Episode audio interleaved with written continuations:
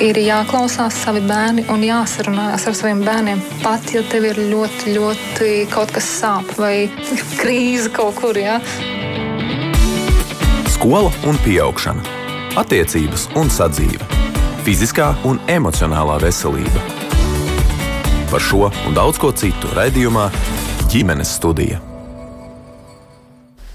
Labdien, rādījums ģimenes studija sāk savu skanējumu. Tā producents šodien ir Liena Vīmba, mans vārds ir Agnese Linka.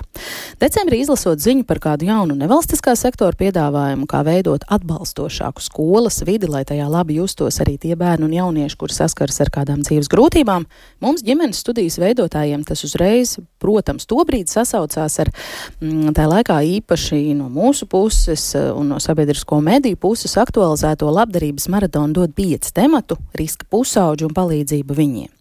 Tagad, kad dod pieci ir noslēdzies un gribas piebilst ar tādu atzīstamu rezultātu, proti labam mērķim savākt vairāk kā 450 tūkstoši eiro, mēs tomēr vēlējāmies vēlreiz atskatīties uz to, kādas atziņas izkristalizējās labdarības maratona laikā, kad sarežģīto pusauģu grūtībām pievērsām padziļinātu uzmanību, Kādus secinājumus varam un mums vajadzētu izdarīt, kas varētu virzīt tādas visaptverošas pārmaiņas, lai ik viens bērns un jaunietis dzīves izaicinājumu brīžos tiktu pamanīts, cik daudz var un ko dara nevalstiskais sektors un kā veidot tādu skolas vidi, kurā ik viens tiktu pieskatīts un atbalstīts. Par to visu šodien šajā sarunā ģimenes studijā, un tās dalībnieki būs vispirms sveicina Latvijas bērnu atbalsta fonda vadītājs, arī mans radio kolēģis šeit Kaspars Markševits. Labdien! Labdien. Ziedot LV vadītāja Rūta Dimanta. Cerams, ka pievienojas mums telefoniski. Rūta, dzirdat mūs? Nav vēl, bet, nav vēl, bet būs. Uh, šeit studijā klātienē arī atbalsta centrs tilts pārstāvis Kaspars uh, Prūsis. Viņš arī apmācību programmas emocionāli kompetenta skola treneris. Labdien! Labdien! Arī Iecevas vidusskolas skolotāja Sanita Meškalo šodien pie mums ģimenes studijā viesos. Sveicināt! Labdien. Un um, tūdaļ es ceru, ka mēs saslēgsimies arī ar jaunciem pamatskolas direktors vietnieci un mota treneri Annu Zaulu. Viņa bijusi arī sociālais pedagogs un skola 2000. 2030 iekļaujošas izglītības jomas vecākā eksperte. Un, kā vienmēr, ģimenes studijā arī jūs klausītājs esat laipni aicināti pievienoties mums sarunā. Ja klausoties šeit izskanējušās domās, rodas arī no jūsu puses kāda komentāra, viedokļa, pieredze vai varbūt jautājumi klātesošajiem, droši rakstiet ģimenes studijā no Latvijas radio mājaslapas. Es gribētu uh, sākt ar jau pieminēto tādu kā atskatu uz šī gada dod pieci tematiku. Kādi ir tie secinājumi pēc eh, šī labdarības maratona dod pieci? Um, nu, tu, kas par bija tādā kā vēstneša pozīcijā, jau sākot strādāt pie šīs tematikas, uh, kas tavuprāt ir tas svarīgākais, ko vajadzētu secināt, kā jau teicu, izkristalizēt no tā visa, mm, vai varbūt arī kaut kas no redzētā, dzirdētā, pārdomātā mm, tevi pārsteidza? Nu, pārsteigumu man nekāda nebija. Bet uh, es tik, tikko nākot uz ģimenes studiju, atļāvos dažiem piezvanīt no nevalstiskā sektora uh, darboņiem, censoņiem, kā mums klājas. Nu, vai mēs kaut ko kopīgi varam pastāstīt šodien, kā, kas ir noticis, vai ko mēs zinām labāk, vai, vai vēl kaut kā savādāk. Un svarīgākais, ko es sadzirdēju, ka vecāki beidzot ir apņēmušies, vismaz piezvanījuši organizācijām, apjautājušies Eh, vai tur gadienā nav viņa jaunietis nonācis eh, un ir interesējušies arī par to, vai jaunietis un kādus pakalpojumus gal galā var konkrētajā katrā organizācijā saņemt. Un tas bija šī gada dod pieci galvenais mērķis - uzrunāt vecākus, ne jau jauniešus. Jauniešiem ir dziļi kaut kur var būt vienalga, kaut kādas lietas šajā brīdī, bet jāapzinās, ka tie jaunieši dzīvo savā komunā, un viņus jau nav tik vienkārši aizsniegt, kā mēs visi gribētu. Jā, ieiet un paklanīties un teikt, hei, nāciet, mēs jums palīdzēsim. Un, uh, tas, manuprāt, brīdis ir noticis, kad uh, vecāki ir uh, sausušies un beidzot sākuši par to domāt paši. Un tas nav mazsvarīgi. Un forši arī, ka es ceru, ka ļoti daudziem uh, sabiedrībā mm, cilvēkiem vispār bija daudz jaunumu par šo tēmu. Un tik daudz, cik sabiedriskais medijs šogad izstāstīja, cik daudz mēs par to runājām, uh, redzējām skaudrus dzīves stāstus, jeb dzirdējām, kā nu kurš. Es domāju, ka atkal iepazinām to mūsu ikdienu, kurai mēs tiešām varbūt kaut kā nebūtu bijām pamanījušies paskriet garām. Vai tieši tāpēc, ka mēs nezinām, neiesaistījāmies. Un tagad ir brīnišķīgi. Es domāju, ka visas um, izglītojošās iestādes, visas nevalstiskais sektors, arī šeit, šodien, kas mēs esam, mēs esam skaidri definējuši, ko mēs gribam darīt. Mēs gribam palīdzēt. Un tas ir pats svarīgākais. Un ja tagad uh, visi šie atslēgas cilvēki saslēdzas kopā, tad, manuprāt, tam zobratiņam būtu jāsāk pareizi funkcionēt. Un šeit jau nav jautājums tikai par to, ko mēs, kā nevalstiskais sektors, cilvēki varam izdarīt. Šeit ir jānāk arī droši vien pie galda, jāsēžas ar eh, ministriju, gan ar izglītības, ja, un jādomā tā globāli, kā skolās mēs varam šo ritentiņu Uh, ievirpināt, un arī par to šodien būs daudz stāstu. Mm, jā, man likās interesanti, ka tu pieminēji tieši vecāku aktivitāti un vecāku aktivizēšanu kā mērķi, jo mēs ļoti daudz šajos, kā tu teici, skaudrajos stāstos patiesībā dzirdējām uh, par bērniem, uh, jauniešiem, kuru vecāki nav atbalstošais resurss viņiem pašiem, kur pašiem vecākiem īstenībā nav nekāda nu, potenciāla. Būt, nu, bieži vien jāatzīst, vecāki. ka arī vecāki ir izdeguši un vecākiem arī nav zināšana. Un visi nezina, kā ar savu jaunieti tikt galā. Un tas nemaz nav tik uh, vienkārši, jo nu, uh, blakus jaunietim uh, ne tikai pubertātei nāk arī draugu virpulis, kurš ir ar dažādām greznām un interesantām lietām, un tās kompānijas ir visdažādākās. Es, piemēram, no savas uh, nu, ģimenes veidola var redzēt, kā iet manai pusaudzēji, 14-gadīgajai, un ir interesanti apskatīties, uzzināt un izzināt viņas draugus, ar ko viņi tieks un ko kurš dara un, un tā tālāk. Bet mēs jau šeit runājām par to uh, segmentu, nu, kuri ir izvēlējušies iet uh, ne tajā labākajā virzienā tajā virzienā, kur visātrāk viens otru saprot. Alkohols, narkotikas, vardarbība, ielas dzīve nu, tas ir tas, ko mēs kā, visi pie savas apziņas gribam teikt, ka nē, šis nav tas labākais ceļš. Un tieši tas bija šī gada dota pieci, manuprāt, galvenais vēstījums. Pieklāvēt arī pie tām, es vienmēr uzsveru, pie tām zelta durvīm, kur mēs iekšā netiekam. Nedz es, nedz jūs, nedz uh, kādas citas iestādes visbiežāk tur iekšā netiek kur iespējams vardarbība ir visaugstākajā mērā dažkārt. Mm. Problēmas mīt gan aiz zelta durvīm, gan arī aiz tām durvīm, kuras varbūt netaisās ciet, tāpēc, ka nav nemaz kārtīgas atslēgas. Man kolēģi ziņo, ka šobrīd eh, telefoniski mums pievienojas arī Rūta Dimanta no Ziedot LV. Rūta, labdien! Labdien! Es gribu arī e, jums e, vaicāt, kādi ir jūsu galvenie secinājumi pēc labdarības maratona dod pieci, ko vajadzētu akcentēt, e, kādus varbūt punktus uz īsa salikt un pie kā pieturēties, domājot par aizvadītā labdarības maratona tematu.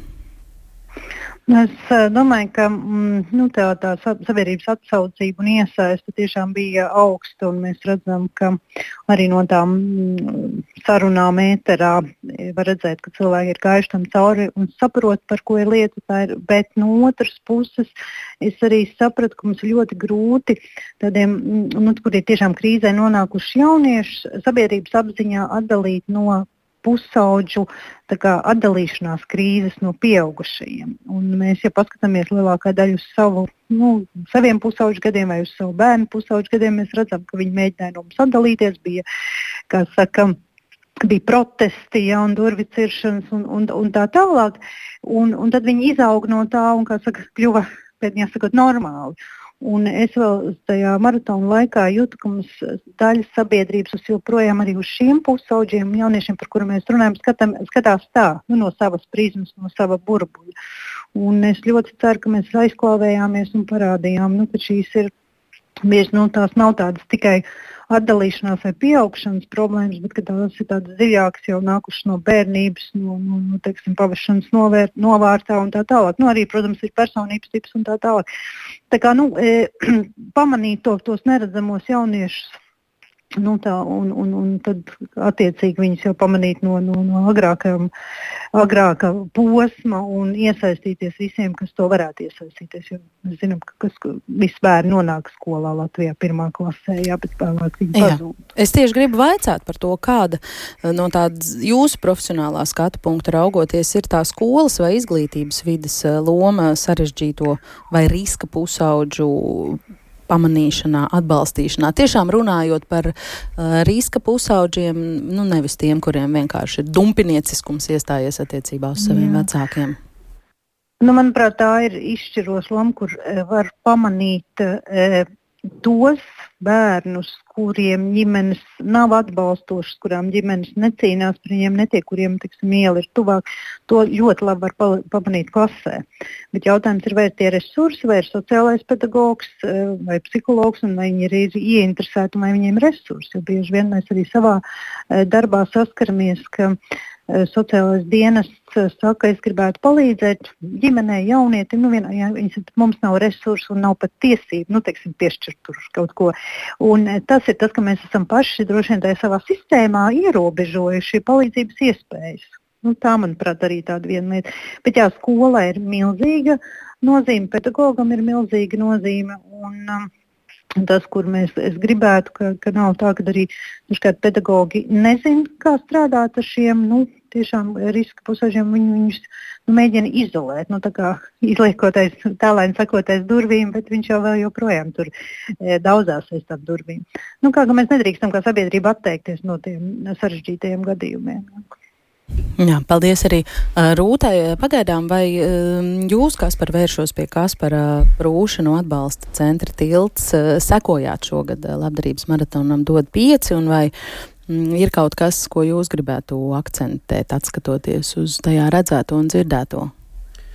Nu, jā, es seko līdzi, un nu, man, manuprāt, tas lielākais iegūms jau, ko Kaspars nedaudz ir minējis, ka nav jau tas finansiālais iegūms, uh, bet gan nu, tā, tā informēšana, tā izglītošana, tā sabiedrības, mm, tā šīs problēmas pirmkārt aktualizēšana, ka tā ir liela problēma un tas, ka mēs kādu bērnu izslēdzam, kurš kurš, kurš eh, klasē nemāk uzvesties, izslēdzam ārā vai kaut kur aizsūtām prom, tas jau neko neatrisina. Un, man liekas, tas ir ļoti, ļoti svarīgi to aktualizēt un tad meklēt tos risinājumus. Tas, tas bija tas galvenais iegūms. Es domāju, tieši šis, gan šis problēmas aktualizēšanu, gan arī meklēt tos risinājumus un meklēt tos veidus, kā tie zobotiņi var sajiet kopā. Jo, nu, jo skaidrs, ka tas man, man liekas lielākais atklājums arī bija, ka ne tik daudz tās problēmas aktualizēšana, jo es jau tajā jomā strādāju, bet vairāk man bija tāds atklājums, ka ir tik daudz eh, nevalstiskās organizācijas, kas kaut ko dara, un ko es, pat, nu, ko es arī nebiju dzirdējis, pat jomā strādājot, kas kaut ko dara ar jauniešiem, un tas, tas bija tāds liels iegūms. Jā. Mm. Kas par saskaitījāt kopā, cik tad uh, vispār ir to organizāciju? Vai Rūta varbūt? Es domāju, zina? ka Rūta vairāk zinās Rūta? par to, cik tur uzreiz pieteicās. Īsi, Rūta nu, vairāk par 20 eh, līdz jau 30 organizācijām, kas ir listē, un, un tās, kas ir dot 5 mājaslapā, arī tās, kas akūtu palīdzību sniedz, ir tas saraksts pieejams. Kā, jā, man arī tas bija tāds eh, pozitīvs um, nu, teiksim, pārsteigums, ka eh, ne tikai Rīgā, bet arī ārpus Rīgas tādas organizācijas ir tāda jauniešu atbalsta. Un, ko tas nozīmē? Tas nozīmē, ka cilvēkiem nav viena alga. Viņi redz, ka nu, ka tā sistēma, ko mēs no nodokļiem finansējam, sociālās dienas skolu tā tālāk, netiek galā un ka ir gatavi e, cilvēki iesaistīties jā, brīvprātīgi un rakstot arī projekts un, un palīdzēt un izveidot sistēmu. Un tas ir tāds cerīgu, tiešām cerīgu uh, skatu uz uh, krīzē nonākušiem jauniešiem, ka, nu, ka mums nav viena alga. Un to arī maratona uh, Es domāju, finansiālais tas nu, jau būs drīz 460 tūkstoši saziedos, starp cik līdz zvaigznes dienai vēl ziedošana turpinās. Ka mēs esam gatavi atdot savus 5 eiro pilnīgi par svešu bērnu, svešu pusauģa atbalstīšanu. Nu, tas ir ļoti cerīgi par mūsu sabiedrību runāt. Eh, gribu arī dot vārdu skolotājai Sanitē Meškalo, kas ir tas, ko no savas tādas profesionālās darba ikdienas jūs redzējāt atspoguļojamies, ja sanāca pasakot laiku semestra beigās. Eh, labdarības maratonam dod pieci šogad. Nu jā, tas, ko, tas, ko es eh, pamanu un redzu, un noteikti to jau zina visi, ka sarežģītais pusaudzis jau nerodās tikai kaut kādā konkrētā pusauģa vecumā. Tās saknes tam, tam, tam sarežģītībai vai kaut kādām traumām, kas pēc tam nāk ārā, ir kaut kādā jau bieži vien bērnu dārza pirmskolas vecumā vai sākumskolas vecumā. Un tas, ko es jūtu tīri pati iekšēji, intuitīvi, ka mēs varbūt varam jau tādā ātrākā posmā palīdzēt un atbalstīt bērnam, ja mums būtu pietiekami zināšanu un uh, prasmju, kā to pamanīt un kā uz to reaģēt. Mm. Laikam tā. Un tad uh, es pieļauju domu, ka, ja tam mazajam bērnam mēs palīdzētu jau ātrāk, un ja viņš saprastu, ka viņam ir pieejami kaut kādi atbalsta mehānismi vai atbalsta pieaugušie, tad varbūt tā viņa nākotnes pusaudža posms varētu būt uh, vienkāršāks, viņam pašam saprotamāks, vai vismaz kāds pie kā vērsties. Mm. Um, arī Anna Zaula no Jaunciem pamatskolas uh, šobrīd ir kopā ar mums uh, Zoom platformā. Sveicināta Anna un uh, stāstiet, kā jūsu darba um, ikdiena saistās un par ko domājāt, uh, sekojot, ja sekojāt šogad uh, labdarības maratonam dod pieci? Um, jā, labdien visiem! Jāsaka, ka man nav jāsako maratonam līdzi, lai es ar to ikdienā saskartos. Um, pilnīgi visās skolās var redzēt šos jauniešus, un pilnīgi katrā klasē var atrast kādu, kurš ir šis neredzamais bērns. Um, Tās manas pārdomas vienmēr ir, es, es ļoti novērtēju, ka ir daž, nu, dažādi šīs akcijas, kas aktualizē konkrēti šoreiz šo jautājumu un to. Tas, kas, nu, skatoties no tādas skolas viedokļa, man vienmēr šķiet, nu, kas Nu, tur bija minēts, ka, ka var pamanīt klases audzinātājs, ja gadījumā kaut kas ir nogājis greizi. Vai, jo, ja jau pastāv iespēja, ka tā situācija pēkšņi ir eskalējusies, vai ar tuvinieku zaudējumu, vai vēl kādu traģisku citu situāciju, bet um, mm, ne tikai audzinātājs to var pamanīt. Īstenībā, jebkurš man, man gribētos domāt, ka uh, par šiem bērniem nu, rūpi tur pilnīgi viss pedagoģiskais personāls. Protams, ģimene tas ir atsevišķi, bet ja mēs skatāmies tīri no skolas viedokļa, Man tāda ideālā pasaule ir pat tad, ja ir kaut kāds bērns, kuram mēs gribam korrigēt vai mainīt uzvedību, ka tas nav tikai sociāla pedagoga, psihologa vai klases audzinātāja uzdevums, ka īstenībā viņš, piemēram, var um, iečakoties un izčakoties no skolas. Tas nav, laikam, vajag korekti teikt, tā pedagoģiski pareizi, bet um, viņš uh, piesakās uh, pie jebkura no skolotāja. Tur var, ka katrs no skolotājiem ir iesaistīts. Un tad uh, man ir bijušas vairākas sarunas ar skolotājiem par, par mūsu bērniem. Un, uh, ja mēs zinām viņa tās grūtās situācijas, kas ir mājās, tad nu, viens no maniem argumentiem ir, ka nu, mēs vismaz varam nepadarīt sliktāku situāciju skolā. Iespējams, mēs varam būt viens no tiem vienīgais pieaugušais viņa dzīvē, kurš uz viņu nekliedz, kurš ar viņu sasveicinās, kurš apjautājis, kā viņam klājas. Um, Un tajā mirklī, kad uh, viņš nav tajā labākajā emocionālajā stāvoklī, tad es varu būt viens no tiem pieaugušiem, kas paliek pie veselā saprāta. Un, un, uh, jo zinu, ka manā klasē arī ir jaunietis, kurš uh, nu, pilnīgi mans mazais neredzamais bērns ir. Un, un es viņam saku, nu, es, ne, es tev nelikšu mierā. Es tev nelikšu mierā, kamēr es tev dabūšu strīpes. Kā būtu, ja tu nāktu pie manis darīt to, to, to, es tev piedāvāšu to, to, to, mēs varētu virzīties tādā virzienā. Kā tev tas izklausās? Un viņš skatās uz mani un saka, tas izklausās aizdomīgi. Es jau saku, jā, es zinu, es esmu tāda aizdomīga. Līdz ar to man liekas, ka viens no veidiem, nu arī runājot, arī es pierakstīju emocionāli kompetentu skolu. Šo es paskatīšos vairāk, kas ir. Jo man liekas, ka viens no veidiem, kā var būt emocionāli kompetenta skola, ir, ja tu esi viens tas pieaugušais, kurš ir izaudzis par tādu pieaugušo, kādu tu gribēji būt bērnībā. Jo tas ir tajā mirklī, kad tu esi galīgi griebeklis pieaugušais, tad tu vari uzdot sev jautājumu, vai šis ir tas pieaugušais, par kuru tu gribēji izaugt. Jā, ir dažādas organizācijas, kas atbalsta vecākus, ģimenes, sociālās dienas, tās sistēmas, tas viss ir forši, to vajag darīt. Bet reizēm skolai arī rokas ir nedaudz par īsu. Tādēļ man liekas, ka ir svarīgi arī veidot to skolas vidi tādu, kur es esmu tas pieaugušais, par kuru es gribēju izaugt.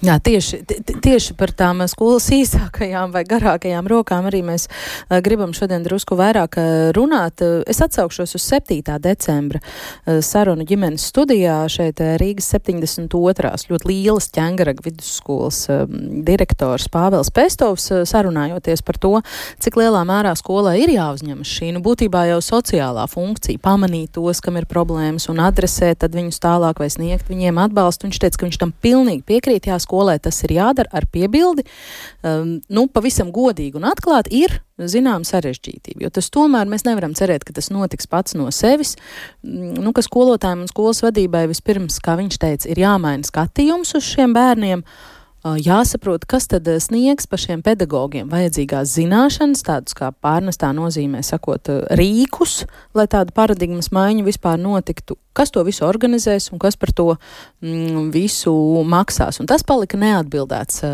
jautājums. Ko, ko skolu pārstāvji vispār par, par šo saka?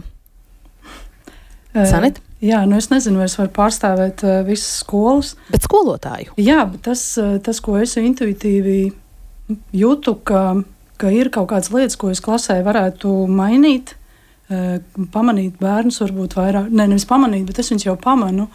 Uh, bija tas, ka jā, man pietrūka, es redzēju, ka ir kaut kāda situācija, kuru es varētu kā, risināt, bet man īsti pietrūkst uh, zināšanu.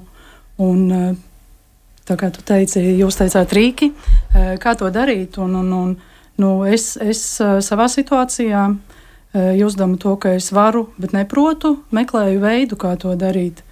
Un, nu, jā, es jauši vai nejauši pamanīju tilta reklāmu par tiem kursiem rudenī, un uz tiem arī pieteicos. Un, tas ir mans pēdējo gadu labākais lēmums, ko es pieņēmu, jo tur patiešām es ieguvu ļoti daudz vērtīga priekš sevis, kā priekš skolotāja, ko pielietoju lēnā garā soli pa solim arī šobrīd uh, savā darba ikdienā. Vai es atbildēju uz jautājumu? Jā, bet visi skolotāji nekad droši vien nebūs uh, tādi, kas paši meklēs un uh, paši pieteiksies un paši ies. Nu, kā tad ir ar pārējiem kolēģiem? Um, droši vien labās prakses piemērs varētu nostrādāt, ka viņi redz, ka tas kaut kur strādā, ka kādam izdodas. Eh, es pieļauju, ka tam vajadzētu skaļāk izskanēt arī no uh, rīkotāja puses un arī kaut kādā veidā, ka sabiedrība redzētu, droši vien nu, iesaistītās puses redzētu to rezultātu. Un uh, skaidrs, ka mēs nevaram gaidīt rezultātu vienas dienas laikā un īsā posmā, bet nu, jā, nu, maziem soļiem ejot uz priekšu, tas, tas viss mainītos. Vai to visu var izmainīt un saks uzrunāt uh, iesaistītās puses vienā dienā, droši vien, ka nē, nu, tas būs kaut kāds ilgtermiņa darbs. Mm. Bet es pieļauju, ka jā, par to ir jārunā skaļāk un vairāk, ka to var, vajag mm. jau sākt darīt. Par skolas sociālo funkciju. Kas par? Jā, es klausos, un es jau gribu piekrist uh, tur ekrāna pusē. Annai. Dāmai Annai, jā, jā. kad uh, Kas svarīgi, manuprāt, eh, ikvienai skolai, ikvienai institūcijai, arī to starp bērnu dārzi, kas ir tas pats pats agrīnākais posms, ar ko Latvijas Bērnu atbalsta fonds strādā, un mēs tieši ar mazākajiem, bet par skolām domājot. Brīnišķīgi tas, ko es dzirdēju, ka nu, ne tikai viens sociālais darbinieks ir skolā, bet kad ir kolektīvs skolā. Un, uh, ne man vienam, kā tādam jaunietim, uh, var, var Pēterīt saskanēt vai Ranniņu. Man der tieši tā ķīmijas skolotāja, tā mani saprot. No tā visa kolektīva iespējams. Un jāapzinās tikai viens, kas ir jāierauga skolai, eh, ka tas mūsu impulsīvais jaunietis, ka viņš tā ir iespējams viņu vienīgā drošā vide tajā brīdī, kur viņš atrodas. Un, eh, ja skola to spēja notvert un noķert, un tad to jaunieti uzrunāt, tas pareizais skolotājs, tā bija arī manā uh, dzīves posmā kad manī tiešām noķēra un uzrunāja skolotāju, un manos deviņos gados pajautāja par to, vai es dzīvē ko gribu mainīt. Nu, tad uh, man nebija pat ne mazāko aizdomu domāt, nē. Es uzreiz atbildēju, jā, un lecam, kur legdami. Jā, iespējams, ka tur būs labāk. Un, uh, tas jau ir tas, tas uh, skolas. Uh, skolas forma un vispār tā skola kā tāda institūcija, nu mēs jau arī savus bērnus pēc labākās sirdsapziņas tajā brīdī nododam skolas rūpē, un ceram, ka tur viss būs brīnišķīgi. Un tajā brīdī arī no šīs ģimenes, no kuras šis jaunietis bēg, mugdams, tā ir tā vieta, kur viņš ir iegājis un cer atrast to savu patvērumu un to savu atbalstu. Un tajā brīdī zinošs pedagogs spēja būt par labāko mentoru. Mm. Un tie ir brīnišķīgi šie piemēri, arī Sanits minētais un Kaspar. Tāpat laikā Rūti, es gribu atkal jums veicāt, jūs kā tāds lielo projektu cilvēks, ja tā var izteikties, jūs droši vien arī uh, piekritīsiet, ka, lai sasniegtu tādu kritisko masu kaut kādu šai procesā, ir vienmēr svarīgi, kas to organizēs, kas par to maksās un tam līdzīgi. Nu, tur jāskatās nevis. Nu, protams, laimība neko nemaksā un cilvēku mīlestība. Nu, mēs uh, bieži vien pieaugušie ļoti ātri ieliekam tos um, bērns un jauniešus kādā kastā, nu, tas jau ir no tādas ģimenes, vai tas jau ir uh, nejauks un tā tālāk. Bet katrs no tiem bērniem, jauniešiem gaida, ka kāds viņam noticēs, kāds pateiks labu vārdu, un kas varbūt paliks tā frāze uz visu mūžu, atmiņā, ka tu spēji. Ja. Nu, mūsu pieaugušo nerunājot tur skolotājs vai sociālais darbinieks vai, vai kas. Nu, tā mūsu pieaugušo atbildība ir neno, neskatīties uz, uz bērniem, jauniešiem kā uz pieaugušiem, kā uz tādiem, kas izvēl, paši izvēl, šīs izvēles izdarīt it kā būtu uh, slinki un, un nejauki. Nu, es par to, ka laipnīgi un cilvēku mīlestība neko nemaksā, ka tam ir jābūt jau pamatā. Bet no otras puses mēs saprotam, ka, ka, ka ir pedagoģi tādi paši kā mūsu sabiedrība ļoti dažādi. Un, un ja, ja, ja skolotājiem pašam mājās varbūt ir problēmas, attiecības vai kā, nu, mums nevajag izolēt un nevajag arī paģērēt no skolotājiem visu. Nu, ja viņiem pašam nav atbalsta sistēmas sniegt un, un, un, un nespēja, teiksim, atalgojums ir tāds, ka nespēja tikt galā ar savu ģimeni, savām pavadu vajadzībām. Nu, nevar visu paģērēt no skolotēm. Tagad tas ir tāds sabiedrības jautājums un saprast, ka nu, joprojām tas, ko es saskaros, ka, ka, ka da, ir tāds stereotips, nu, ka tie jaunieši paši izvēlās un paši viņi tādi grib būt un ka tur nekas nebūs. Nu, ja tev pasaka, ka tu, tur nekas nekad nebūs, nu, to arī viņi pieņem to sevi kā nekas nebūs un ej pierādīt, jā, es esmu tas nejaukais. Nu, tā, bet es domāju, ka, ka, ka pedagoģu uh, sagatavošanas procesā šī te, nu, spējai atzīt un spējai teiksim, uh, verbalizēt un dot atgriezienu skaitu šādiem problēmu bērniem, tā būtu ļoti, ļoti svarīga lieta. Jo mēs jau, es domāju, arī, mums pašiem pienāk pusauģu vecums mūsu bērniem. Mēs nezinām īsti, kā rīkoties. Nav jau tādas rokas grāmatas, katrs gadījums ir individuāls. Tāpēc, ja tev ir iedoti saka, rīki, eh, kā nu, spoguļot šo sistema, situāciju, kā mm, nepadarīt uh, viņu sliktāku ne sev vai tam bērnam, nu, tas noder. Un tā ir viena no lietām, kur arī mēs esam runājuši varbūt par citu tēmu, bet arī mediķiem. Ne? Mēs reizēm gribam, lai viņi ar mums savādāk runā. Un arī tur izglītībā izrādās nav šī komunikācija pietiekami mācīta. Es pieņemu, ka tas ir tādā arī sagatavošanas līmenī jau valsts, lai jaunie pedagoģi, nu, viņiem būtu šī bagāža, kā, kā runāt un kā darīt. Tas, tas ir grūti grūti tas nav. Katrs ar to nepiedzimst. Mm -hmm. Te studijā klātesošie māja ar galvu. Kāds grib ko piebilst par to? Es domāju par to skolas so, sociālo funkciju, vai vajadzētu vai nevajadzētu darīt, vai tas ir jānodala. Skola tikai māca sociālās dienas, tikai ar sociālām problēmām. Man liekas, nu, pat ja skolotājiem, citreiz es domāju, tā, tā skolotāju. Ir, es esmu dzirdējis, ka kādi no skolotājiem saka, ka nu, skolotājiem ir jāmācās. Tā ir viņa galvenā funkcija, un tad tur visiem pārējiem tur Tas, ko vecākam ir jā, jāaudzina, jā, un citiem jā, katram jādara savu daļu. Nu, tā jau ir. Bet, nu, protams, mēs nedzīvojam tādā perfektā pasaulē, un līdz ar to kāds izkrīt bērns no šīs sistēmas. Un, ja mēs, ja skolotājs paliek tikai pie šī, kad ir tikai jāmāca bērnam, tad citreiz var būt tāda situācija, ka mēs varam iedomāties sev, ka mēs esam tādā lidmašīnā, lidojam, un mēs ieraugam pa logu, ka tur motors deg. Ja? Mēs esam panikā, kā to būs, bet mums vienkārši stāv priekšā skolotājs, un viņš saka, nu, nē, mana funkcija ir mācīt, par drošību atbild pilots, policija, ugunsdzēsēji. Tāpēc tagad neskatieties vairs par logu, skatieties grāmatā, turpinam mācīties Pitagora teorēmu. Ja? Un, un mēs taču katrs apzināmies, ka mēs neviens nespēsim neko uztvert no tā. Tādā situācijā, un bieži vien šie bērni, kas ir šie ko mēs saucam par problemātiskās uzvedības bērniem, viņi ir tādā stāvoklī, tādā emocionālā stāvoklī, ka viņi ir nobijušies. Viņiem ir bail kaut kāda iemesla dēļ, kas notiek viņu dzīvē, vai, vai pat kas notiek skolas dēļ. Viņi ir nobijušies, un, un smadzenes ir tā būvēts, ka viņām tā vienkārši sakot, ir divas, divas pamatfunkcijas. Vai nu mācīties, izglītoties, augt, vai atbildēt, vai rūpēties par drošību. Un, ja, ja smadzenes nejūtās droši, ja viņas jūtas apdraudētas, tad viņas fokusējas uz, uz drošību, uz nodrošināt izdzīvošanu, un viņas nespēja fokusēties uz izaugsmas mācībām. Viņas vienkārši nespēja to. Un, ja mēs prasām no bērna to, kurš ir nobijies vai kaut kādā baisa stāvoklī, kaut kāda iemesla dēļ, lai viņš tagad mācītos, nu, mēs prasām neiespējamo. Un tā ir tāda vienkārša lieta, ko skolotājiem ir vienkārši nu, jāsaprot. Tas, vienkārši, tas jau nav neprasa nekādas līdzekļus, neko, nekāds īpašs kurs. Ja mēs šo skolotājs apzinās, tad mēs neprasām no bērna, un, un ja mēs no tāda bērna, kurš ir nobijies, prasām, nu, tagad mācies, mācies. Viņš nespēja iemācīties, viņam pazeminās pašvērtējums, viņam vēl lielāks bēls par sevi, un tas aiziet tādā spirālē uz leju. Un bērns nevar izlaut, izlausties no šīs spirāles. Tikai pieaugušais, kāds no pieaugušiem var palīdzēt tikt ārā no šīs spirāles, ja saprot, kā šis bērns jūtās tajā situācijā. Mm. Jā, es atgādināšu, ka ģimenes studijā mēs šodien par to, kā skolas vidi, kur bērni un jaunieši pavada lielāko daļu sava laika, padarīt atbalstošāku visiem, arī tiem, kas piedzīvo mācību, emocionālas vai kādas citas eh, sadzīviskas eh, grūtības. Mēs eh, sarunu turpināsim pēc skaņas signāla. Mēs tiekamies ģimenes studijā. Un ģimenes studijā šodien eh, sarunājas eh, Latvijas Bērnu aizsardzības fonda vadītājs, atbalsta fonda vadītājs Kaspars Markševits, ziedot LV vadītāja Rūta Dimanta, Kaspars Prūsis no atbalsta centras Tilts, uh, Iecevas vidusskolas skolotāja Sanita Meškalo un Jaunciem pamatskolas direktors vietniece Anna Zaula. Anna, Jūsu varbūt kādas reakcijas uz šeit sarunu biedru kolēģu teikto? Ļoti daudz, ļoti daudz reakciju.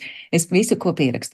Pirmkārt, Sanita ir entuziasts, to var just, un, uh, un skatoties arī, nu, atbildot uz to jautājumu, visi jau tā nevar, tā ir taisnība. Sanita ir starp tiem, nezinu, 10-15%, kurus vienkārši jāliek mierā. Viņi jāļauj strādāt, un tāda paša kā es. Uh, nu, respektīvi, viņi iet un dara, viņi interesēs vēl kaut kas. Tad ir nu, tie 10-15% labāk, lai ir desmit, ar kuriem neko nevarēs izdarīt. Neviens, nu, ja mēs par pedagoģisko personālu runājam, es viņus saucu, nu, kaut putni tur neko nevar izdarīt. Tev jāmēģina saprast, kā mazināt ļaunumu.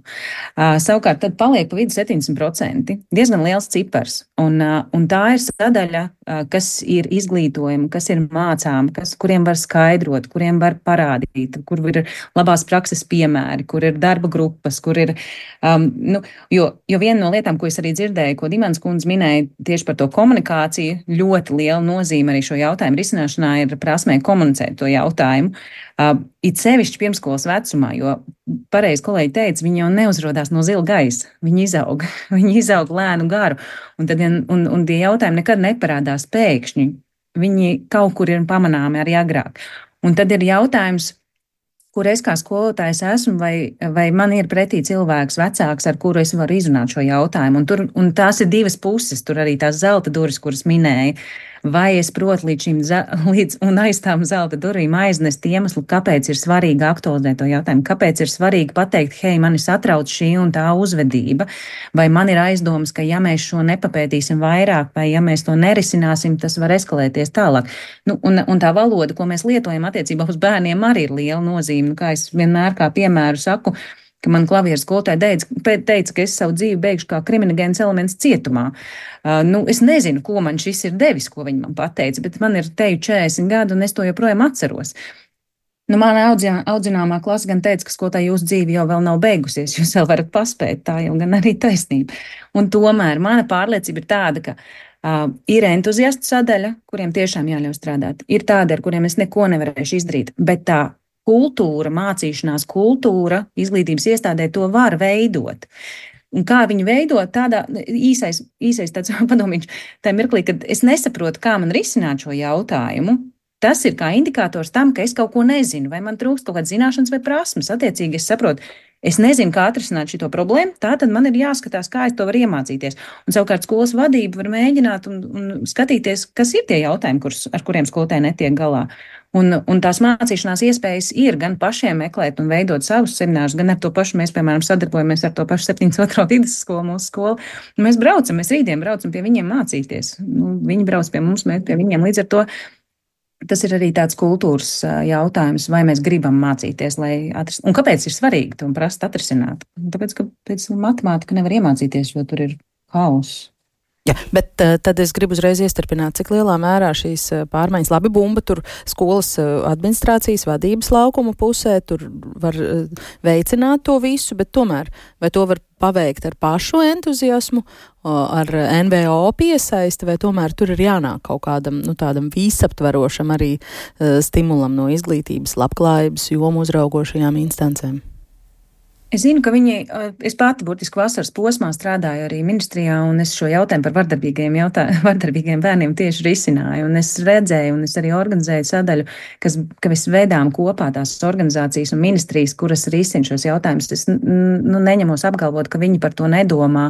Un, un te man jāsaka savu mīru mīļākais teiciens, tas nav tik vienkārši. Tā, tā mašinērija tiešām ir tik smagnēja, ka es nevaru pateikt, ka tas ir jāatrisina vienai vai otrai ministrijai, vai tas jāatstāj tikai uz NVO pleciem. Tur es domāju, ka būs, ka nu, tas ir līdzīgi kā šveices sieru, ka tu liec vienkārši kārtiņus, kārtiņas tā, lai ka katra sadaļa izdara kaut vai drusciņu nedaudz, un tad tas šveices siers tiek noklāts. Es neticu vienai organizācijai, kur atrisinās visus jautājumus. Es domāju, ka tā tas nestrādā. Rūtai par šo ir viedoklis. Jā, protams, ka tam ir jābūt. Tas ir vērtību jautājums sabiedrībām. Tas ir teiksim, skolas vadības vērtību jautājums. Nu, kāds ir skolas direktors, kā viņš savu kolektīvu, savus pedagogus, sociālus darbiniekus visu nu, aizraujumu parāda, ka bērns mums ir vērtība. Un tas arī ir tās uzstādījums droši vien no izglītības ministrijas labklājības nu, par tām vērtībām. Ja mēs vienojamies par kaut kādām vērtībām, kopējām un kas mums ir svarīgas, un mēs tās ievērojam vai tās pielietojam, nu, tad tādas teorētiski šādas problēmas, ka, ka mēs kāds izkrīt caur sietu, nav. Bet tas ir tādā ideālā pasaulē. Un es teiktu, ka mums jāiet uz to ideālo pasauli un e, tiem pedagogiem, tai skolas e, teiksim, sadaļai, kas ir pedagogi ar īstu, ar lielo burtu, un tādi ir. Jo skaidrs, ka pedagogi mums atstāja milzīgu nospiedumu. Nu, viņiem ir tiešām jāļauj strādāt, bet E, mums arī nevajag izlikties, ka ir tie pedagoģi, kas nu, tikai atnāk un nolasa savu lekciju, un kur viņiem pat bērni nu, ir vienaldzīgi. Tāda arī ir. Nu, te, maz, bet ir. Un, nu, un, un, un uz šo paskatīties ar atvērtām acīm. Nu, tā kā jau kolēģi teica, ka nav visi, vien, nu, visi nav vienādi e, un, un, un tas uh, ir, ir ļoti dažādi. Līdz ar to tas ir. To nevar veikt ne ar naudu, ne ar administratīvām lietām kas arī ir viss vajadzīgs, bet tam ir jābūt vērtībām, par ko mēs stāvam. Un tajās skolās, kur uh, direktori ir tie, kas tiešām bērnus patiesi mīl un vēlas, lai, lai tā vide būtu droša, tur arī viss sanāk. Ja, bet tur, kur jau ir vadība ar tādām toksiskām attiecībām ar saviem pedagogiem, nu, tur nevar arī sagaidīt, ka tur bērni labi justies. Nu, un, un tas ir mūsu pieaugušo nu, jautājums, ieraudzīt šādas situācijas, nu, tas ir jebkurā darba kolektīvā. Nu, tā, saka, e, zivs pūst no galvas. Ja. Tas ir ļoti svarīgi, kāda mums ir tās kopējās vērtības tieši vadībai. Mm. Vērtības virzīt, veicināt, plaucēt. NVO tur 20, 30 organizācijas. Var Latvijā sadoties rokās paši visu izdarīt, vai jums vajag no, no malas, lai jūs kāds arī organizē? Es, es pilnīgi piekrītu tam, ko Rūtē teica, ka tas ir vērtība jautājums. Un man, man ir vismaz ir tā, nu, man bērni mācās eh, dažādās Rīgas skolās, sākot no parastas mikrorajona skolas līdz gimnāzijām, tā pieredze ir saskarsmē ar Rīgas skolām. Un, Un mans secinājums ir diezgan bēdīgs. Man, manuprāt, sabiedrība, un šeit es domāju, skolas vadības nav nobrieduši līdz tām vērtībām, un, kad, un joprojām, un īpaši jau domājot par tādām, nesaucot no viena konkrēta, bet ģimnāzijām Rīgas, nu, viņu vērtība ir, diemžēl, nu, izglītība pirmā vietā, kā bērns jūtās, man vienalga. Nu, tas, ir, tas, ir, tas ir tāda attieksme.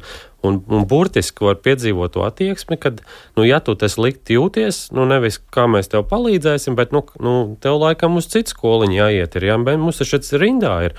Un, Varbūt vajag mums šādus, varbūt vajag šādus, kur tikai fokusējas uz to, bet šīs pašas gimnāzijas jau arī viņas jau pretendē uz to, ka viņas gatavo nākamos uh, Latvijas līderus, vadītājus. Ja? Un ja viņas uz to pretendē, tad kādas vērtības viņi iemāca šiem nākamajiem līderiem, vadītājiem? Ka tas, kā kāds te jūtās blakus, tas nav būtiski, tas nav svarīgi. Un tas, man liekas, ir ļoti, ļoti biedējoši. Ļoti, ļoti biedējoši. Un, manuprāt, tāpēc skolai nav jādomā tikai par izglītošanu, bet šī emocionālais stāvoklis, kāds bērniem ir, tas ir, nu, tas ir, tas ir vērtība jautājums, bet tas ir galu galā visa sabiedrība būs ieguvēji, ja mēs šo uzskatīsim par ļoti nu, augstu vērtību. Mm. Kas par sākumā, otrs kas par, kas par Markševits sākumā, teica, ka ministrijā jā, jā. te jābūt ar pie galda šai sarunai. Jā, e, nē, es e, paturpināšu Kaspar sacīto, ka man gribējās tieši pieminēt to sacensības garu, ka tam būtu mazliet tam tvaikam jānolaižas, lai ieraugām tos, tos jauniešus un bērnus un, un vispār mūsu nākotnes tādu redzējumu uz tiem mūsu jaunajiem cilvēkiem. Uh, būs Einsteini, būs labi cilvēki, būs vis, visaugstākā līmeņa, bet uh, te atkal ir ne visi. Un es vakardien veltīju vienu stundu, uh, lai noklausītos vienu brīnišķīgu interviju. Un šeit man uh, šķiet bija tāda laba atslēgas vārda. Harijs Vitoliņš, mūsu Latvijas hokeja izlases galvenais treneris, sacīja to, ka ka visa komanda, tas, domāju, arī skolas kontekstā varētu derēt, ka visa komanda ticēja, redzēja, ka arī tas, kurš nav labāks, kļuva par labāko tajā brīdī, ja pieslēdzās pavisam labākais, ja, un devās uz priekšu un palīdzēja. Tā kā mēs katrs varam darīt labāku to, kurš vēl nav tik labs kā mēs. Mm -hmm. Nedaudz par atbalsta centra tilts piedāvājumu. Sākumā jau pieminēto emocionāli kompetento skolu. Kas tad tas īsti ir? Vai, teiksim, unikāls piedāvājums Latvijas kontekstā vai atšķiras no citām līdzīgām iniciatīvām?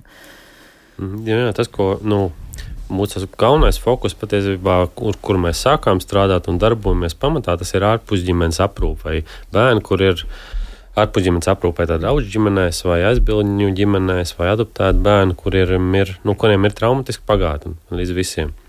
Un tad mācot šos speciālistus, kas strādā ar šiem bērniem, nu, pirmkārt jau vecāks, bet arī bāņķis darbinieks, sociālos darbinieks, aizvien vairāk un vairāk parādījās šis, e, šī vajadzība, nu, kad bērns jau pavadīja ļoti lielu laiku, nu, 7, 8 stundas viņš pavadīja skolā. Viņš pavadīja ļoti ilgu laiku, un, un tāpēc šī informācija, ko mēs sniedzām, mēs tikām aizvien vairāk, vairāk mudināt, nu, to vajag skolotājiem, to vajag skolotājiem. Un skolotāji ir pievienojušies kādām no apmācībām. Viņi teica, nu, šo vajag skolās, un tas būtu ļoti, ļoti noderīgi. Un tad pagājušajā gadā mēs saņēmāmies un šo apmācību adaptējām priekš skolotājiem. Un tad, eh, un tad tas ir tas mūsu mērķis. Mēs redzam, ka mēs šiem, mūsu mērķis ir palīdzēt šiem bērniem, bērniem, kuriem ir bieži grūtības kuriem ir grūtības skolā. Mēs sapratām, nu, ka šī informācija ir, ir vajadzīga skolotājiem. Tas viņiem palīdzēs. Pirmkārt, tas nepras, neprasīs nekādas ekstra lielas izdevumus. Tas prasīs, jo tas pirmais jau ir saprastam skolotājiem, nu, kas notiek. Ja bieži vien es domāju, tā skolotāji tā reakcija varbūt pat neadekvātā ir no tā, ka viņi nezina, nu, nezina kas notiek, kas notiek ar šo bērnu, kāpēc viņš tā uzvedās. Un, ja, ja tu nezini, tad tu esi pats nobijies, un tad tev reakcija ir kā arī kā tādam nobijušamies bērnam. Tu sāc uzbrukt, vai tu sauc par pamukt, vai kaut kā tāda bāļu reakcija ir no skolotājiem. Bet, ja skolotājs saprot, ok, es zinu, kas šeit notiek, es zinu, kas šo bērnu ir un man ir kaut kāda rīka, ko es varu darīt, tas atslābina gan bērnu, gan skolotāju, un tas vien jau šīs zināšanas atslābina abas puses. Un tad, tad, tad šī komunikācija, par ko mēs runājam, no skolotāja puses var notikties daudz tādā, nu, bērnam e, tādā mierīgākā un netik e, satraucošā veidā. Mm. Tas vien var ļoti palīdzēt, ja skolotājs saprot, kas ar bērnu notiek. Un e, tā kā jūs šobrīd sakāt, ka vēlaties šo apmācības programmu ieviest pēc iespējas vairāk skolās un apmācīt pēc iespējas vairāk skolu pedagogu, no tā var secināt, ka tas ir kaut kāds universālāks zināšanu, prasmju vai, kā jau mēs te teicām, rīku kopums, kas ļauj pedagogam um, adekvāti izturēties un sadarboties ne tikai ar, piemēram, bērniem, kas konkrēti no ārpus ģimenes aprūpes. Nu, tas ir kaut kas, kas uh, varētu mm, tikt pielietots attiecībā uz, uz, uz plašāku grupu, jā, jā. par ko mēs šodien runājam. Noteikti. Tas ir pirmkārt tā izpratne, un pēc tam nākamais vienmēr skolotājs prasīs, ja kurš prasīs, nu, ko tad es sapratu, labi, ko darīt. Tad mēs dodam arī praktisks rīks, ko darīt, kā, kā palīdzēt apmierināt bērnu vajadzības skolā. Mm. Jā, tas ir tas galvenais, vienkārši sakot, konkrēti rīka apmierināt bērnu vajadzības. Jo tikko bērnu vajadzības ir apmierināts, tā gan bērns var atslābt, gan veidojas saikni, uzticība bērnam ar skolotājiem, un tad var sākties mācīšanās process. Mm. Sanitē, kas ir izgājis jau šo kursu, es gribu uh, tad jā. vaicāt, kas, nu, kas ir tas praktisko padomu, kā man te priekšā uh, informācijā ir teikts, praktisko padomu kopums, kā strādāt ar bērniem, kas uh. ir piedzīvo nelabvēlīgus apstākļus. Tas pirmais, uz ko es gribu atsaukties, ir tas, ko Kaspars teica, ka nu, tad, kad tas bērns ir stresā un uh, skolotājs nezina, ko ar to darīt, tad skolotājs arī ir stresā. Un, uh, tā pamatlieta, ko es no emocionāla kompetences skolas paņēmu sev līdzi, ir izpratne par to, kā tas bērns varētu justies. Es nevienmēr simtprocentīgi zinu, ka viņš uh, tā uzvedās tieši tāpēc, bet man ir ielikās radusies tāda dziļāka izpratne par to, kā aiz tās viņa uzvedības slēpjas kaut kāda vajadzība. Un eh, tad, kad eh, tu tajā situācijā uzreiz uh, reaģēji daudz, pati daudz mierīgāk, tad tas bērns arī reaģēja turpmāk. Nu, tu viņam teikt, sniedz to, to drošības sajūtu un atbalstu, to, ka tu viņu saproti. Varbūt ne līdz galam zini, kas ir, bet tu vismaz viņu saproti un pieņem tādu, kāds viņš ir. Un tad tādā mierīgākā vidē Eh, tādā saprotošākā un drošākā vidē, tā tālākā sadarbība mums arī veidojās. Tu, eh, es par sevi konkrēti runāju, ka es varu dziļāk, eh, vēlāk uzdot kādu papildus jautājumu bērnam, vai, vai kaut kā sajust, kā, kā, kā ar viņu runāt, ko, ko viņam darīt. Nu, viņš tā kā sajūt no manis to drošo atbalstu, un tad arī tā sadarbība mums veidojas tālāk. Tie praktiskie piemēri tur bija. Uh, arī sensoro vajadzību apmierināšana, kā, ka tu vari palīdzēt bērnam ar dažādām uh, sīkām lietām, vai vismaz saprot, kāpēc viņš grauž to zīmoli. Un, uh, vai, vai kāpēc viņš tirkšķina to pildspālu visu laiku? Tas nav tāpēc, ka viņam ir garlaicīgi pie tevis, bet uh, ir kaut kāda cita, cita, cita vajadzība tam visam apakšā. Mm -hmm. um, kas konkrēti man kompetences skolas kursā patika, bija tas, ka mēs izgājām par tādiem pamatīgiem soļiem cauri. Uh, par to, kas vispār var notikt ar bērnu, kādas var būt šīs viņa vajadzības. Un, un aiz katras tās, uh, uh, nu, mums skolotājiem varbūt dažreiz lietojam vārdu, ka nērtie bērni, bet aiz tā nērtā bērna patiesībā tur jau neslēpjas uh, kaut kāda viņa vēlme speciāli rīkoties. Tā tur slēpjas kāda tā viņa sāpe vai vajadzība. Un, ja tu kā pieaugušais to sajūti, pamani, tad tu viņam vari palīdzēt. Un ko es pamanīju, esmu tie kursi bija rudenī. Un, um, tas, ka tu pati mierīgāk strādā un runā ar bērniem, arī pārējie klases bērni e, iet tam līdzi un ņem no tevis to piemēru. Un tā klases vide, e, skaidrs, ka tā nemainās ātri, un skaidrs, ka ir arī tādas e, straujākas un emocionālākas dienas, bet pamazām tā klases vide mainās. Un, e, tā, man liekas, ir tā lielākā uzvara. Ja tā klases vide mainās un tie bērni kļūst drošāki, uzreiz arī rāmāki, ir tas, ko Kaspars teica, un kam es pilnībā piekrītu. Viņi arvien vairāk sāk ieinteresēties mācību procesā, uztvert mācību vielas. Un, kas man kā skolotājiem ir svarīgi, viņi arī nebaidās un nekautrējās paprasīt palīdzību, uh, ja nav sapratuši. Jo, nu, mēs zinām, ka bieži vien bērni kautrējās pateikt, ka viņi nesaprata to vai šo lietu. Mm. Un, uh, nu, man, mana tā uzvara laikam ir iekšējā, ka viņi viens otru arī sāk atbalstīt. Tas man tik ļoti patīk no malas redzēt un vērot, kā, kā viņi viens, viens ar otru. Un tas mums jau pieaugušajiem vajadzētu atcerēties to, ka bērni mācās no mums. Un ne jau nu, visas lietas viņi mācās no mums, kā mēs ienākam, kā mēs sveicinamies, kā mēs reaģējam uz situācijām, kā mēs aizējam. Viņi to visu uzsūc un viņi mūs kopē patiesībā. Un tieši šīs te uh, veids, kā mēs reaģējam uz kaut kādām netik ērtām un neveiklām dažreiz situācijām, viņš jau to paņem līdzi pēc tam un tālāk kaut kur to reakciju Mm. Te man jādomā atkal par uh, Rūtas iepriekš uh, teikto, ka sanitā klausoties, es domāju, tas taču ir viss kaut kas tāds, ko varētu mācīt arī topošiem pedagogiem. Un droši vien, ka tas ar laiku, ja ne šogad notiek, tad notiks droši vien arī skaistajā nākotnē. Laika vairs nav daudz, pavisam īsi ir tādi stāsti, kad skolotāji, lai kādas specifiskas uh, zināšanas gūtu paši maksā par šādiem kursiem. Kā tas ir jūsu gadījumā, tur skolas caur pašvaldību finansējumu, kas par to mm, samaksā? Ir dažādi. Ir skolotāji paši maksā, jā, ir tādi, un ir pašvaldības maksā. Jā, ir dažādi. Jā. Mm. Gribu nolasīt vēl divus klausītāju komentārus, un tad tie, kuriem būs par to, kas sakāms atlikušajās mazākā piecās minūtēs, arī varētu vēl dot savas replikas. Anna raksta. Man mulsina, kāpēc sabiedrībā nav populāra doma, ka pirmkārt atbildība par bērniem ir jāuzņemas vecākiem. Lūdzu, strādājiet ar šiem vecākiem, kam nav izpratnes, empātijas vai mīlestības pret saviem bērniem, bet kāpēc skolā visiem skolotājiem, klases biedriem jāpakārtojas tiem sarežģītajiem pusauģiem, kas netiek ar sevi galā un dara pāri citiem? Kāpēc manā, mana klusā un introvertā meita, kas daudz strādā, nesaņem pienācīgu atbalstu mācībās, proti klusu un labvēlīgu vidi klasē, bet klases biedrs, kas rūpīgi izrunājas un dezorganizē stundu, ir jāizprot. Visām atbalsta organizācijām ir viegli runāt, jo viņi neredz, kā šie bērni dara pāri citiem, vai šiem pusauģiem pašiem nevajag uzņemties nekādu atbildību. Tāds ir Annas uzdotais jautājums, un Alisa raksta, nu rē, atkal atbildīga valsts un sabiedrība, bet nekādas atbildības no vecākiem, vismaz lai finansiāli sēd šo palīdzību savam bērnam. Mēs jauniešiem stāstam par laimi, kad piedzimst bērns, bet nemācam, kā tā būs viņu vislielākā atbildība visas dzīves laikā. Laimes brīži būs reti un īsi, bet vienmēr būs finanses un atbildība par bērniem. Tāpēc jau tāda izaug, jo arī paši vecāki tādi bijuši. To visu ir jāstāst jauniešiem, pirms viņi izdomā radīt bērnus. Jā, dzemdēs mazāk, bet varbūt kvalitatīvāk audzinās. Īsās replikas trīs minūtēs mēģinam visi. viss jau pareizi, viss jau pareizi, bet nu, strādāt ārpusģimenes aprūpē, nu, tā ir realitāte, ka šie vecāki vienkārši nu, nav tiem bērniem. Nu, nav. Mm. Un ko, nu nevaru, mēs nevaram gaidīt un teikt, nu, viņi ir vainīgi, tāpēc tiem bērniem neko nepalīdzēt. Nu, viņiem vienkārši nav viņi, un viņiem ir jāpalīdz tiem bērniem, kuriem nav vecāki vai nav vecāki ar spējām. Jā.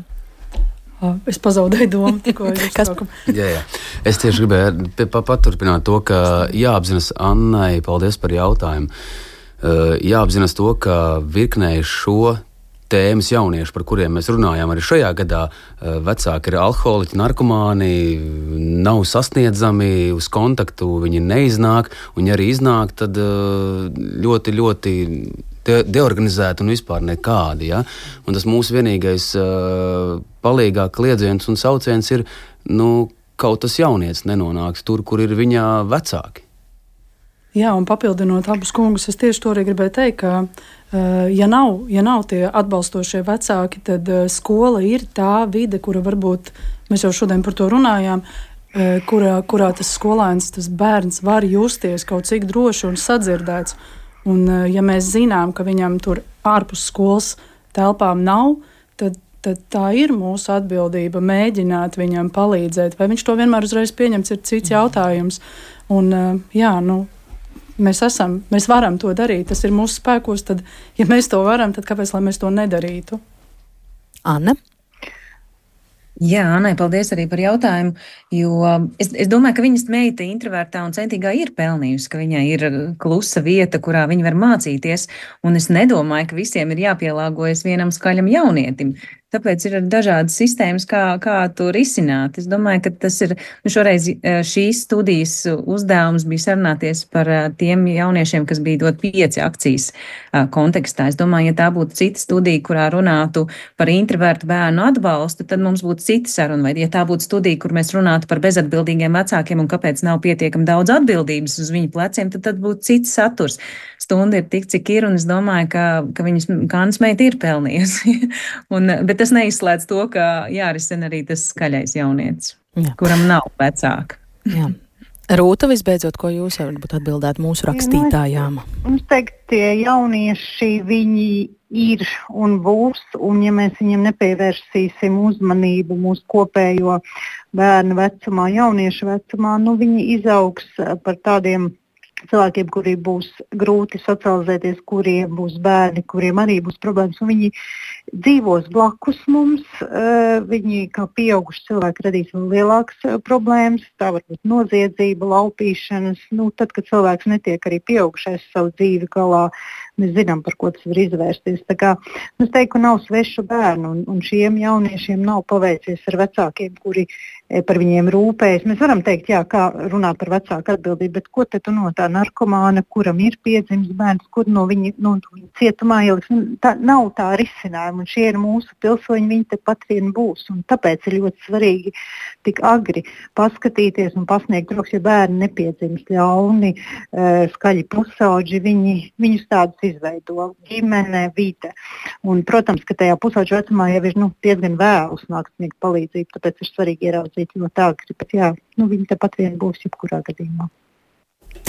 Un uh, uz šīs pozitīvās nots arī teikšu paldies uh, par uh, sarunu ģimenes studijā. Šodien viesojās Kaspars Markševids, Rūta Dimanta, Kaspars Prūsis, Sanita Meškala un Anna Zaula. Un redzējumu šodien veidoja Liena Vimba, Rita Karnača pie skaņu pults pie mikrofonas Agnesa Linka. Ir izstrādāti jauni latviešu valodas mācību līdzekļi skolēniem ar dzirdes traucējumiem. Kā tie tapuši vai piemērot visiem un kādu materiālu vēl nepieciešama, lai teiktu, ka virzāmies uz visaptvarošu iekļaujošo izglītību. Par to sarunu ģimenes studijā rīt, kā vienmēr no diviem līdz trijiem. Klausieties mūs arī podkāstos un Latvijas radio mobilajā lietotnē. Tiekamies un uz sadzirdēšanos!